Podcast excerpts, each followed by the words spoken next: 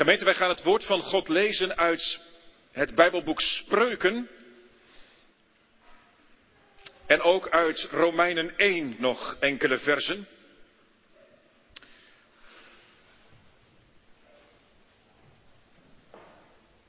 Vanmiddag en als God het geeft ook komende zondag, zondagen wellicht, hoop ik u het woord te bedienen, juist ook toegespitst op de vragen hoe wij geroepen zijn vanuit het evangelie, vanuit het woord van God om, om getuigen te zijn van dat wat God ons heeft toevertrouwd.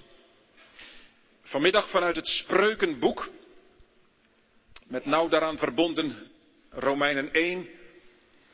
Ik lees eerst Spreuken 10 vers 2 en 11 vers 4. Daarna gaan we naar hoofdstuk 24. En in Spreuken 10 vers 2 en ook in 11 vers 4 klinken twee keer dezelfde woorden in het tweede deel van die versen. Spreuken 10 vers 2. Daar klinkt het woord van God.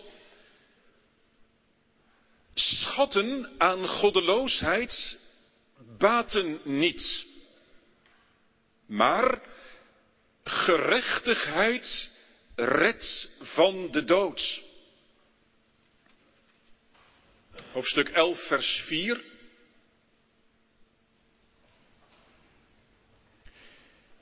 Bezit baat niet op de dag van de verbolgenheid. Bedoeld wordt de dag waar het op aankomt.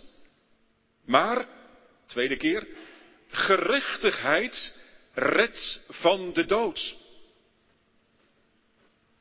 Let u op dat woord redden. We gaan naar hoofdstuk 24, vers 10 tot en met 12.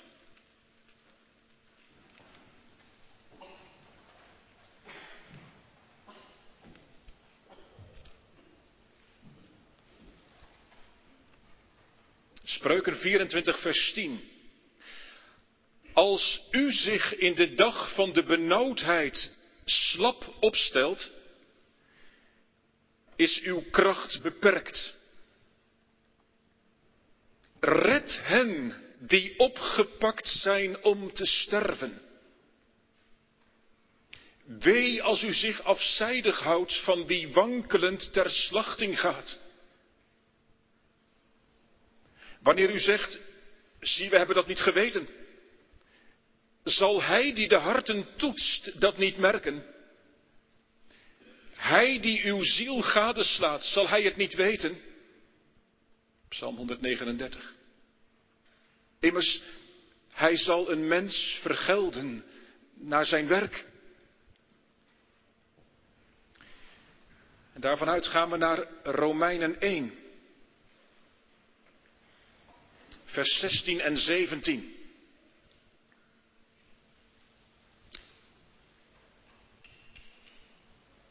Soms moet je de dingen wat anders zeggen dan anders. Misschien leest u ook het GZB-dagboekje. En daar is de Romeinenbrief afgelopen week aan de orde geweest. En de schrijver van dat boekje, van die stukjes, die omschreef vers 16 met deze woorden. Want ik ben trots op het evangelie van Christus. Er staat, want ik schaam mij niet voor het evangelie van Christus. Want het is een kracht van God tot redding, tot zaligheid. Voor ieder die gelooft. Eerst voor de Jood en ook voor de Griek. Want de gerechtigheid van God wordt daarin geopenbaard. Uit geloof tot geloof. Zoals geschreven is, maar de rechtvaardige zal uit het geloof leven. Leven. Gemeente, tot zover de lezing van het woord van God.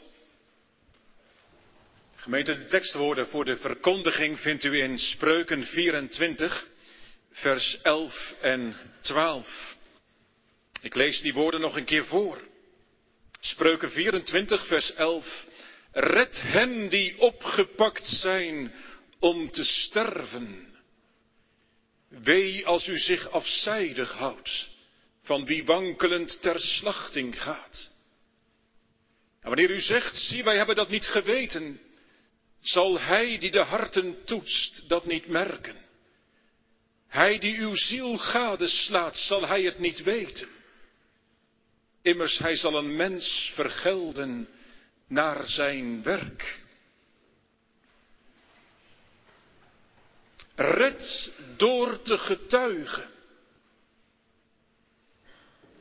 De opdracht om te redden en het middel tot redding. Spreuken 24, vers 11 en 12, wel in nauw verband met Romeinen 1, vers 16 en 17. Red door te getuigen. De opdracht en het middel. Gemeente van Christus, hier in de kerk of thuis of op uw vakantieadres verbonden. Een betrouwbaar getuige is een redder van levens. Zo begonnen we deze dienst met Bijbelwoorden uit Spreuken 14, vers 25. Een betrouwbaar getuige is een redder van levens.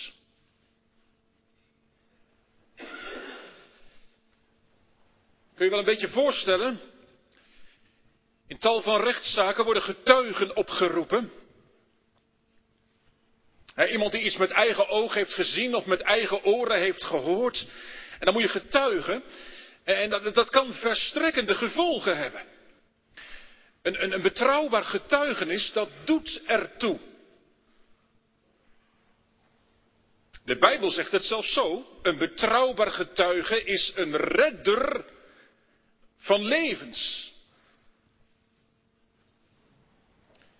Moest ook denken, gemeente, aan al die, die vluchtelingen, hè, die, die berichten die steeds weer naar ons toe komen.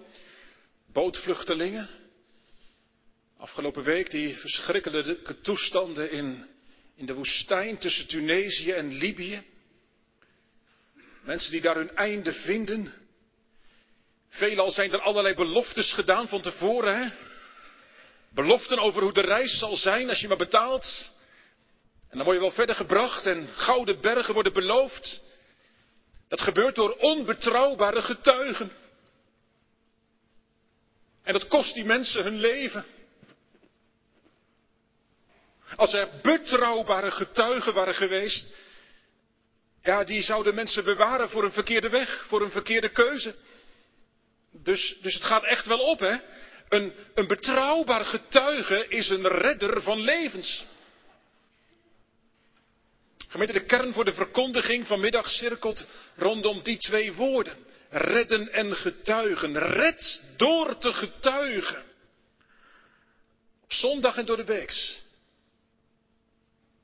Als je aan het werk bent, op school zit, maar ook als je op vakantie bent. In je gezin als je dat ontvangen hebt, maar ook daarbuiten.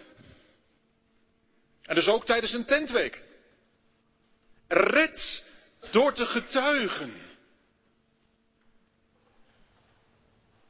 En nee, er is vanmiddag geen ruimte voor vrijblijvendheid.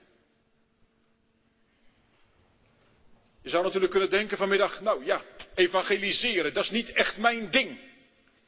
Daar hebben we gelukkig de evangelisatieouderlingen voor.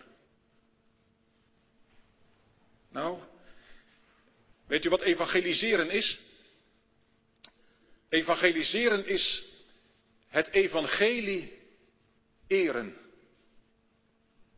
Kun je onthouden, toch?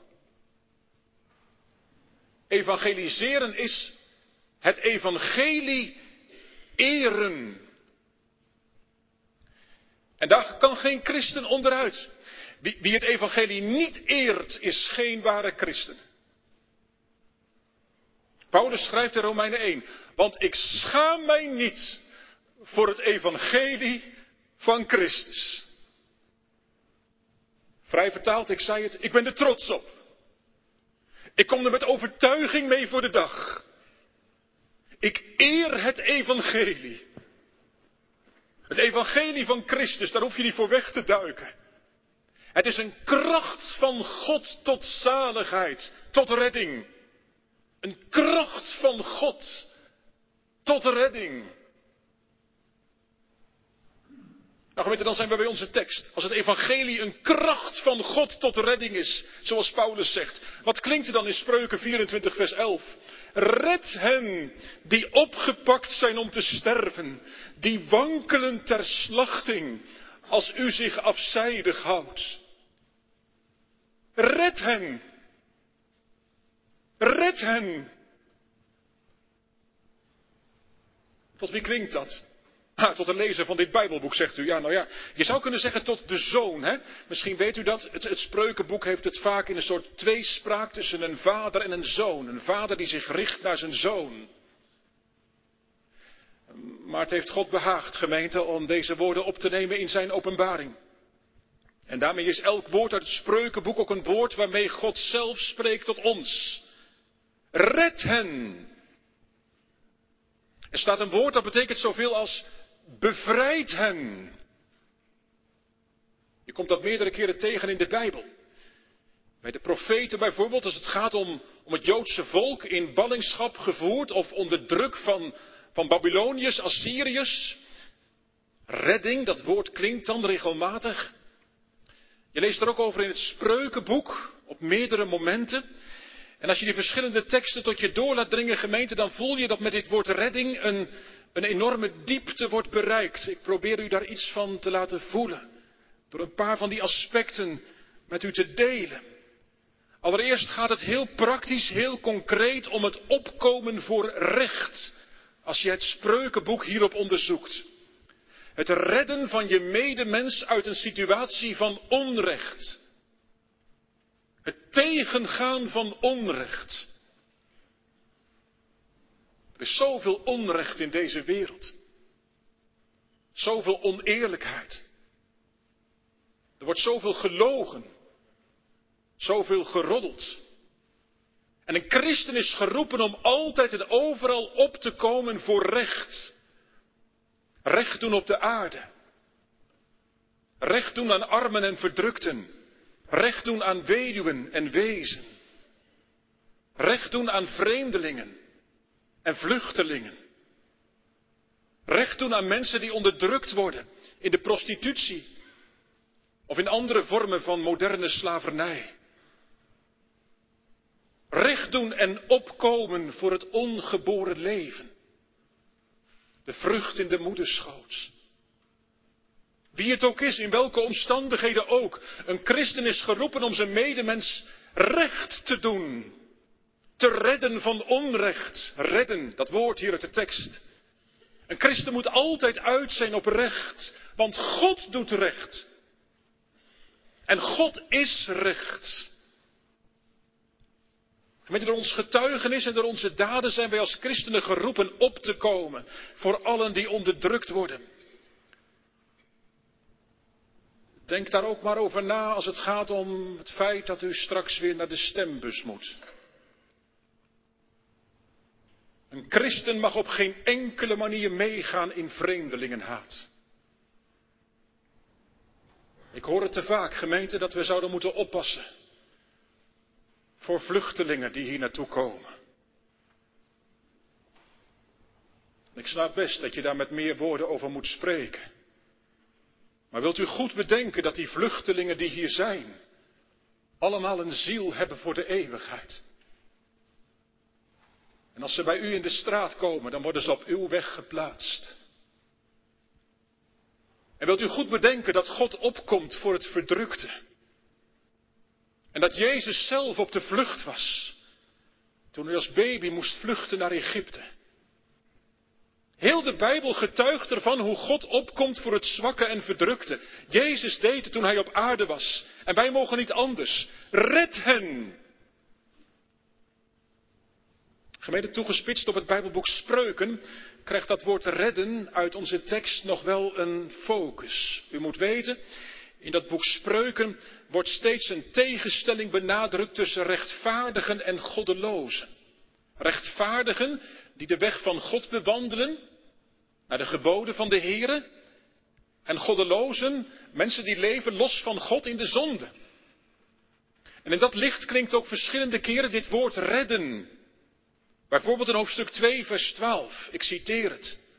Om je te redden van de verkeerde weg, van de man die verderfelijke dingen spreekt. Dan gaat het dus om verkeerd gezelschap. In hoofdstuk 2, vers 16.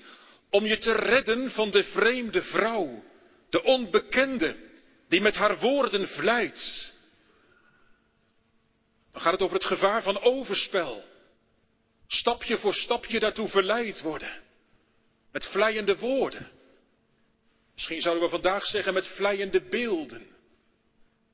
En dan klinkt het steeds opnieuw, om je te redden. Redden waarvan? Nou, van die weg van de zonde. Redden van de weg die uiteindelijk leidt tot de dood. Met in het spreukenboek wordt dat heel indringend vertolkt op meerdere plaatsen. Letterlijk als het gaat om overspel, dat komt verschillende keren terug. Maar ook geestelijk overspel. dat je God in wezen inwisselt voor iets anders. Ik citeer een stukje uit het slot van hoofdstuk 7, moet u horen.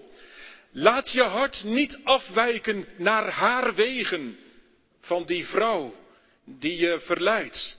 Letterlijk of meer figuurlijk.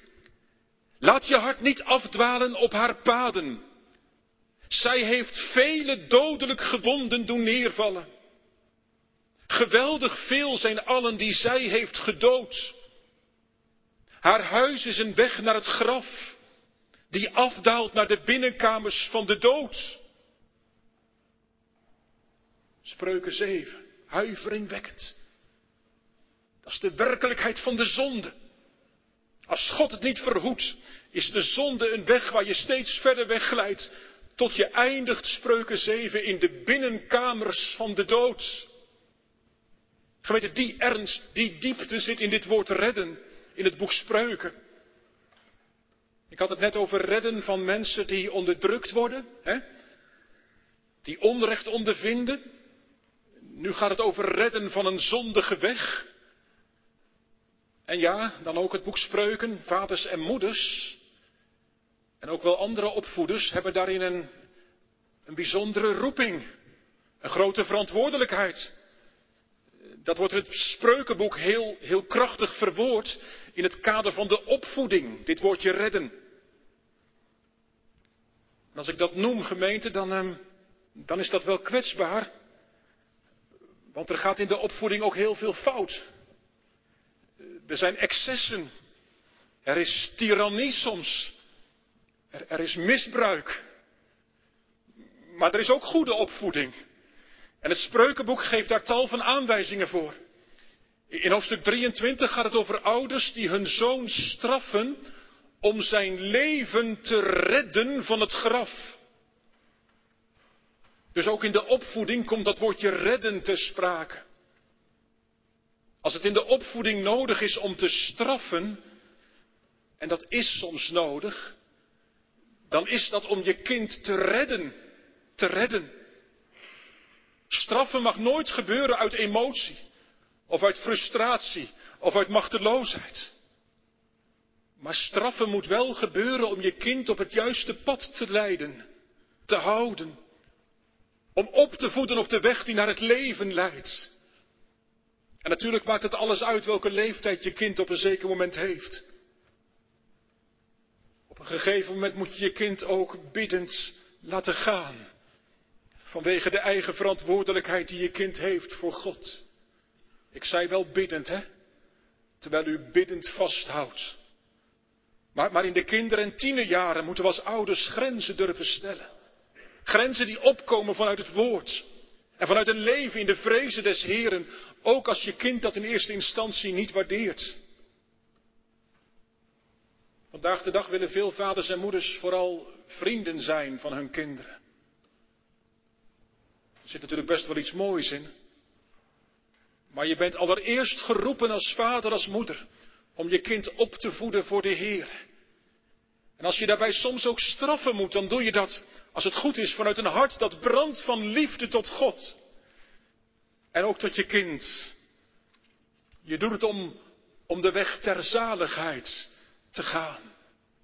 Woord van onze tekst, om te redden, om te bewaren voor een weg die leidt naar de zonde en uiteindelijk naar de dood.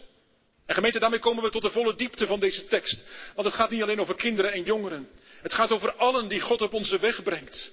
Hoe staat het er? Red hen die opgepakt zijn om te sterven. De Statenvertaling verwoorden. Red degenen die ter dood gegrepen zijn. Gegrepen voor de dood. Dat staat er letterlijk. Gegrepen voor de dood. Gemeente, het hoge woord moet eruit. Hoe kijkt u naar de mensen om u heen? Naar uw kinderen? Naar je buren? Naar je dorpsgenoten? Naar de kinderen straks bij de VBC? Oh jazeker, jazeker. God heeft deze wereld, die kinderen, die buren, zo lief gehad. Dat hij zijn enige geboren zoon gegeven heeft. Tot in de dood. Tot in de dood. Maar waarom deed hij dat? Omdat wij mensen, zolang wij niet gered zijn, leven onder de kracht en de macht van die dood. En dan bedoel ik niet alleen maar het lichamelijke sterven, maar ook de geestelijke dood. Wat de Bijbel noemt dood in de zonde. Het is de werkelijkheid gemeente van ons verloren leven. En al kunnen we in dit leven nog een poosje doen alsof het allemaal gaat. Vroeg of laat word je erdoor gegrepen. Door die macht van de dood. En als je erdoor gegrepen wordt, dan ben je er niet tegen bestand. Niemand van ons is opgewassen tegen de macht, de kracht van de dood. Gemeente, diep aangrijpende beelden gebruikt de Heilige Geest hier in onze tekst. Opgepakt voor de dood. En daarna staat er wankelend ter slachting. Het roept het beeld op van een dier dat naar de slachtbank wordt geleid, een rund. Het dier heeft er geen weet van, maar voor de omstanders is het overduidelijk. Nog even en dan is het leven eruit. Dan is het voorbij. En stap voor stap gaat dat dier verder, totdat opgepakt om te sterven, wankelend ter slachting. Gemeente, nog een keer, hoe kijkt u naar de mensen om u heen? Hoe kijkt u naar uw kinderen die nog zonder de Heer Jezus over deze aarde gaan? Naar uw buren, naar je broers en zussen. Ook naar mensen die verder bij u vandaan staan. Als je door een grote stad rijdt en je ziet die torenhoge flats, allemaal appartementen. Als je door Oud-Beijerland fietst of loopt, Honderden, duizenden.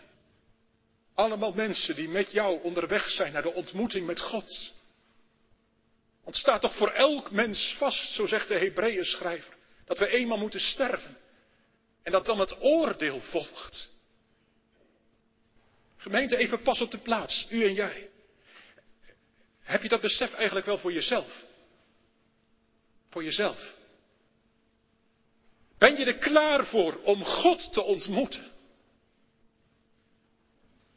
Als je Christus nog niet kent. Als je nog niet weet dat je geborgen bent in het bloed van de Heer Jezus. Hoe, hoe kun je, hoe durf je dan eigenlijk nog, nog verder te leven? Je bent gegrepen voor de dood. Je ontkomt er niet aan. Je wankelt ter slachting. Nog even. Nog even en dan is het eeuwigheid. En buiten Jezus is geen leven.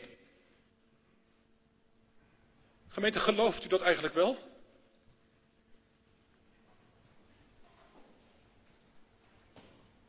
Vraag het aan mezelf. Geloof ik dat eigenlijk wel? Wat is het weer barstig? Ik zeg u dat eerlijk. Ik voel dat in mijn hart. Ik worstel daar ook mee. Want als ik dit echt geloof, dan zou ik anderen toch niet zo gemakkelijk verloren laten gaan. Als ik dit echt geloof, dan zou ik anderen toch niet zo makkelijk in ongeloof laten leven.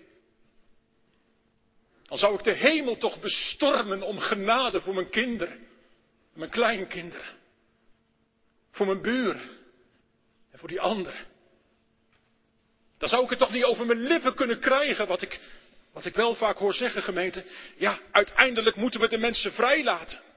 Vrijlaten? Vrijlaten voor de dood, voor de slacht? Vrijlaten om voor eeuwig verloren te gaan? Red. Red hen die voor de dood gegrepen zijn. Want ze wankelen ter slachting als u zich afzijdig houdt. Red hen. En als u zegt vanmiddag, maar hoe dan? Hoe wordt iemand gered van de dood? Nou, gemeente, dit spreukenboek geeft er antwoord op. Het is nog wel een beetje omsluierd, maar het wordt gaandeweg in het Evangelie, in het Nieuwe Testament ook glashelder. Twee keer lazen we net uit het spreukenboek die woorden, hoofdstuk 10, vers 2 en 11, vers 4. Gerechtigheid redt van de dood. Gerechtigheid. Dat redt. Maar wat is gerechtigheid? Nou, dat betekent in het spreukenboek dat je, dat je leeft overeenkomstig de wet van God. Maar dan ook helemaal, hè? En niet alleen de buitenkant, maar ook je binnenkant. Dat je leeft volkomen overeenkomstig de wet van God. Wie doet dat? Wie doet dat volkomen? Gerechtigheid redt van de dood. Ja, maar wie is rechtvaardig? Niemand toch in zichzelf? Gemeente, nee, u niet. Jij niet, ik niet. Uw kind niet. Je buurman niet, je dorpsgenoot niet. Dat kind van de VBC niet. Maar Christus wel. Christus wel. De gerechtigheid van Christus, die redt van de dood. De gerechtigheid van Christus, zijn, zijn volkomen zuivere leven, dat. Ja, maar meer nog gemeente, de gerechtigheid die hij verdiend heeft aan de kruisheuvel Golgotha. Toen hij al onze ongerechtigheden op zich nam. Om ons zijn gerechtigheid mee te delen. Hij wilde ruilen toen en daar op Golgotha. Hij nam mijn zonde. En ik ontving zijn gerechtigheid. En dat is nou de gerechtigheid die redt van de dood. Hij wekt zondaren op uit de doodsheid van hun bestaan. Uit wat ik net noemde, gemeente, vanuit de Efezebrief, dat dood zijn in de zonde. Hij wekt daaruit op. Door zijn gerechtigheid. Hij verlost, hij bevrijdt, ja dat ook van de eeuwige dood. Van, van voor eeuwig verloren gaan.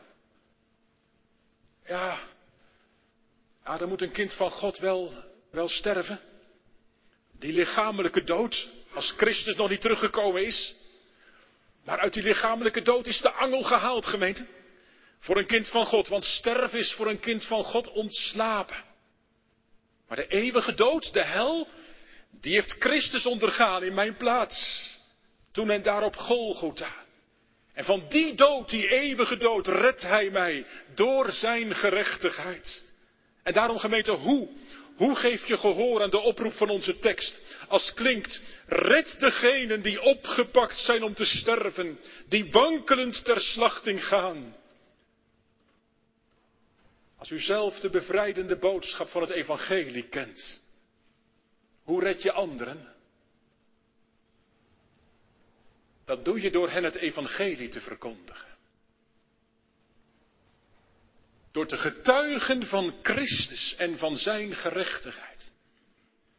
Door Jezus te verkondigen. Want Jezus, zijn naam is redder, bevrijder, zaligmaker van zondaren. Hij is het, hij redt van de dood. Gemeente, daarmee ben ik bij die woorden uit de Romeinenbrief, hoofdstuk 1, vers 16. Paulus getuigt, want ik schaam mij niet voor het evangelie van Christus. Want het is een kracht van God tot zaligheid, tot redding voor ieder die gelooft. Het evangelie van Christus, zo zegt Paulus, is een kracht van God. Het is als dynamiet. In het Grieks staat dat woord er, hè? Dynamis. Dynamiet. Het is een kracht van God tot redding, tot zaligheid. Welk evangelie? Nou, de boodschap van de gekruisigde Christus. Paulus zegt het erachteraan in Romeinen 1, vers 17. We hebben dat gelezen. Paulus zegt, want de gerechtigheid van God wordt daarin geopenbaard. Daar heb je het. Daar heb je het. De gerechtigheid van God wordt in het evangelie, in de boodschap van de gekruisigde Christus getoond. En dan staat erbij in Romeinen 1, uit geloof tot geloof. Zoals geschreven staat, de rechtvaardige zal uit het geloof leven. Gemeente, dat is het. Wij zijn geroepen allemaal om getuigen te zijn van het evangelie van Christus. Omdat daarin Gods gerechtigheid wordt geopenbaard. Gods blijde boodschap betekent dat. De boodschap van verzoening en vergeving van de gekruisigde Heer Jezus voor ieder die gelooft. En als we die boodschap brengen, gemeente, dan dringen we anderen tot het geloof. Nee, niet dwingen, dat is iets anders, hè? Niet dwingen, maar wel dringen, dringen. Als ze merken dat het je ernst is, dat je zelf gegrepen bent door de bevrijdende kracht van het evangelie, dan mag je, dan moet je alles doen om anderen daarin mee te nemen. Lokkend, gunnend, wijzend op de Heer Jezus alleen. Ja, dan moet je echt ermee de boer op hoor. Kun je niet stil blijven zitten zo van we gaan zondag wel weer verder. Ik schaam mij niet voor het evangelie van Christus. Paulus zegt eigenlijk, ik ben er trots op. Ik durf ermee voor de dag te komen. Het lijkt misschien een vreemd verhaal over zo'n gekruisigde. Maar het is het niet. Het is de kracht van God tot zaligheid. Lieve gemeente, de vraag dringt.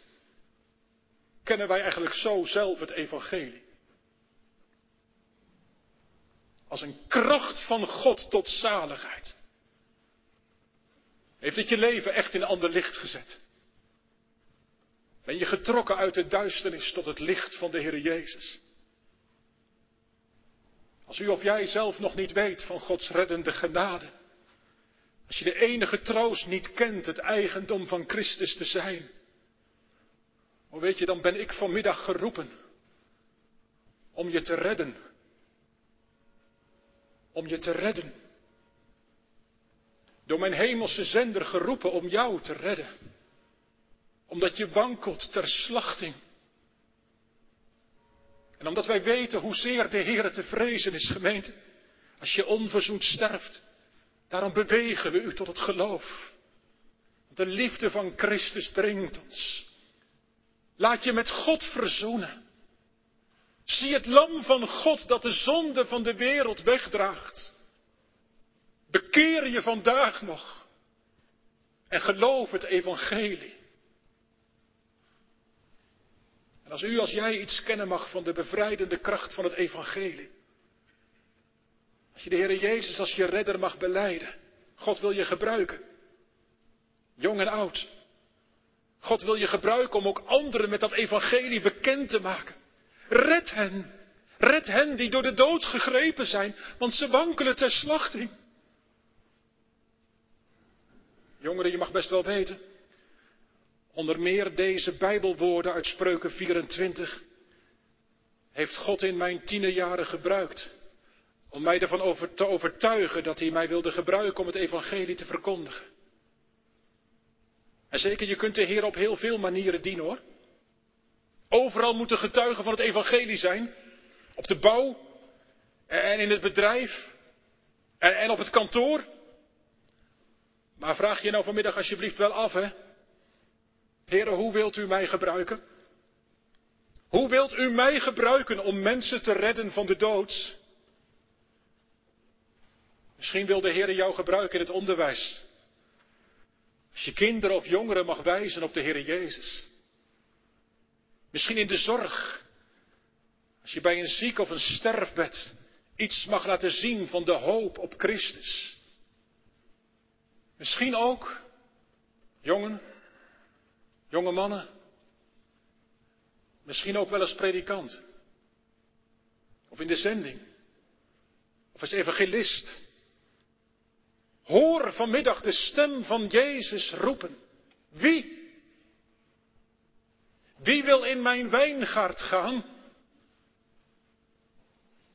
Wees er biddend mee bezig. Wat wilt u, Heer, dat ik doen zal? Want, dan kijken we nog even in de tekst.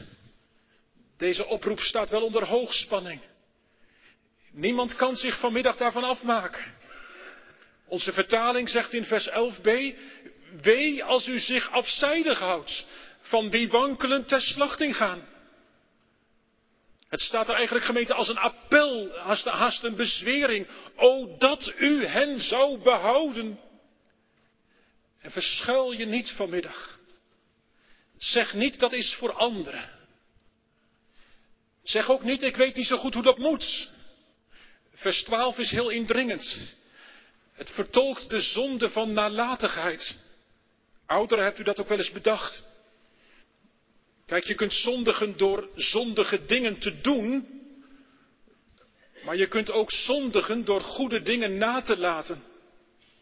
Door nalatig te zijn, vers 12.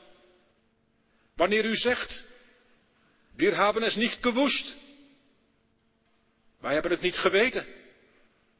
Zal hij die de harten toetst dat niet merken? Hij die uw ziel gadeslaat, zal hij het niet weten? Immers, hij zal een mens vergelden naar zijn werk. Met andere woorden, gemeente, God doorgrondt je hart helemaal. Hij weet precies wat mij beweegt, maar ook wat u beweegt. Of we deze dure roeping om anderen te redden van de ondergang, of we die langs ons heen laten gaan, dat we er biddend mee werkzaam zijn. Die woorden van vers 12, gemeente. Hij die de harten toetst, die uw ziel gadeslaat. Wat gaan die diep? Onder al die miljoenen, miljarden mensen heeft God mij op het oog. Alles wat in mij omgaat. Mijn denken, mijn voelen, mijn bezig zijn. Hij toetst mijn hart. Hij geeft voortdurend acht op mijn innerlijk. En die alwetendheid van God, gemeente, zoals hier in vers 12 vertolkt, die bindt die roeping om anderen te redden met grote ernst op ons hart. Hier zit echt geen ruimte tussen om straks, als u een broodje pakt of de koffie hebt aangezet, om dan met elkaar wat te gaan discussiëren en te zeggen, nou ja, hoe ver reikt nou mijn verantwoordelijkheid? Ja, dat misschien wel, maar ja, dat. Nee. Nee, ik ben geroepen om alles in het werk te stellen. Om mijn naaste te behouden. En God kent mijn hart. Hij weet of dat mijn verlangen is. Mijn gebedsworsteling. Mijn hunkering. Dat mijn leven zo door God gebruikt wordt dat het een instrument is in zijn hand. Tot de redding van verloren mensen. Gemeente, het kan je benauwen. Dit laatste. Die alwetendheid van God. Als je laks geworden bent. Als je nalatig bent. Misschien wel als het u aanklaagt. Als u terugkijkt op uw leven. Dat je zegt, die dure roeping. Heb ik die in de wind geslagen. Het kan je benauwen als je beseft dat God alles kent en heel je leven doorgrondt. Maar laat u dan dringen vanmiddag om uw toevlucht te zoeken bij de Heer. Bid het met Psalm 139. U doorgrondt en kent mij, Heer. Doe dat. En is het geen, ik denk, ook als het over deze dingen gaat, niet tot uw eer, beproef me. En zie of mijn gemoed iets kwaads, iets onbehoorlijks voedt. En, en doe mij toch ook vandaag en de komende week met vaste schreden die weg ter zaligheid betreden. Ik zei, het kan je benauwen. Dat God je diepste gedachten kent, zoals het staat in vers 12. Gemeente, het kan ook bevrijdend zijn. Bevrijdend. En, en dat wil het zijn vanmiddag als u de Heer Jezus hebt liefgekregen. Als u verlangt om een instrument te zijn in zijn hand. Maar dan weet je soms niet hoe je het doen moet. Dan voel je je machteloos naar je kinderen, naar mensen om je heen. Dan kun je ermee worstelen, Heer, wat wilt u nou precies dat ik doe? Ik kan er toch niet altijd over praten. Ik kan ze toch niet overtuigen. Mag het u dan tot troost zijn, broeder of zuster, en ook jou, dat God je hart kent, je verlangen, je gebedsworstelingen. En, geef het dan maar in zijn handen, hè? Want, want hij zegt niet door kracht. En ook niet door geweld, maar, maar door mijn geest zal het geschieden. En weet ook dit gemeente, je hoeft de ander niet te overtuigen. Dat kun je niet eens. Overtuigen is het werk van de Heilige Geest. Je mag en je moet wel getuigen. Als het kan met woorden. Weet u nog? Een betrouwbaar getuige is een redder van levens. Ah, dat het zo mag zijn in je hart, hè. Ik schaam mij niet voor het evangelie van Christus. Want het is een kracht van God tot zaligheid, tot redding. Als het kan met woorden, zei ik. Maar soms, soms moet je zwijgen. En, en, en, dan roept de Heer je om heel dicht bij Hem te blijven. Dan zegt Hij het ook vanmiddag. Blijf in mij en ik in u. Want wie in mij blijft en ik in Hem, die draagt veel vrucht. Want, want zonder mij kunt u niets doen. Uw vrucht, die wordt uit mij gevonden. Amen.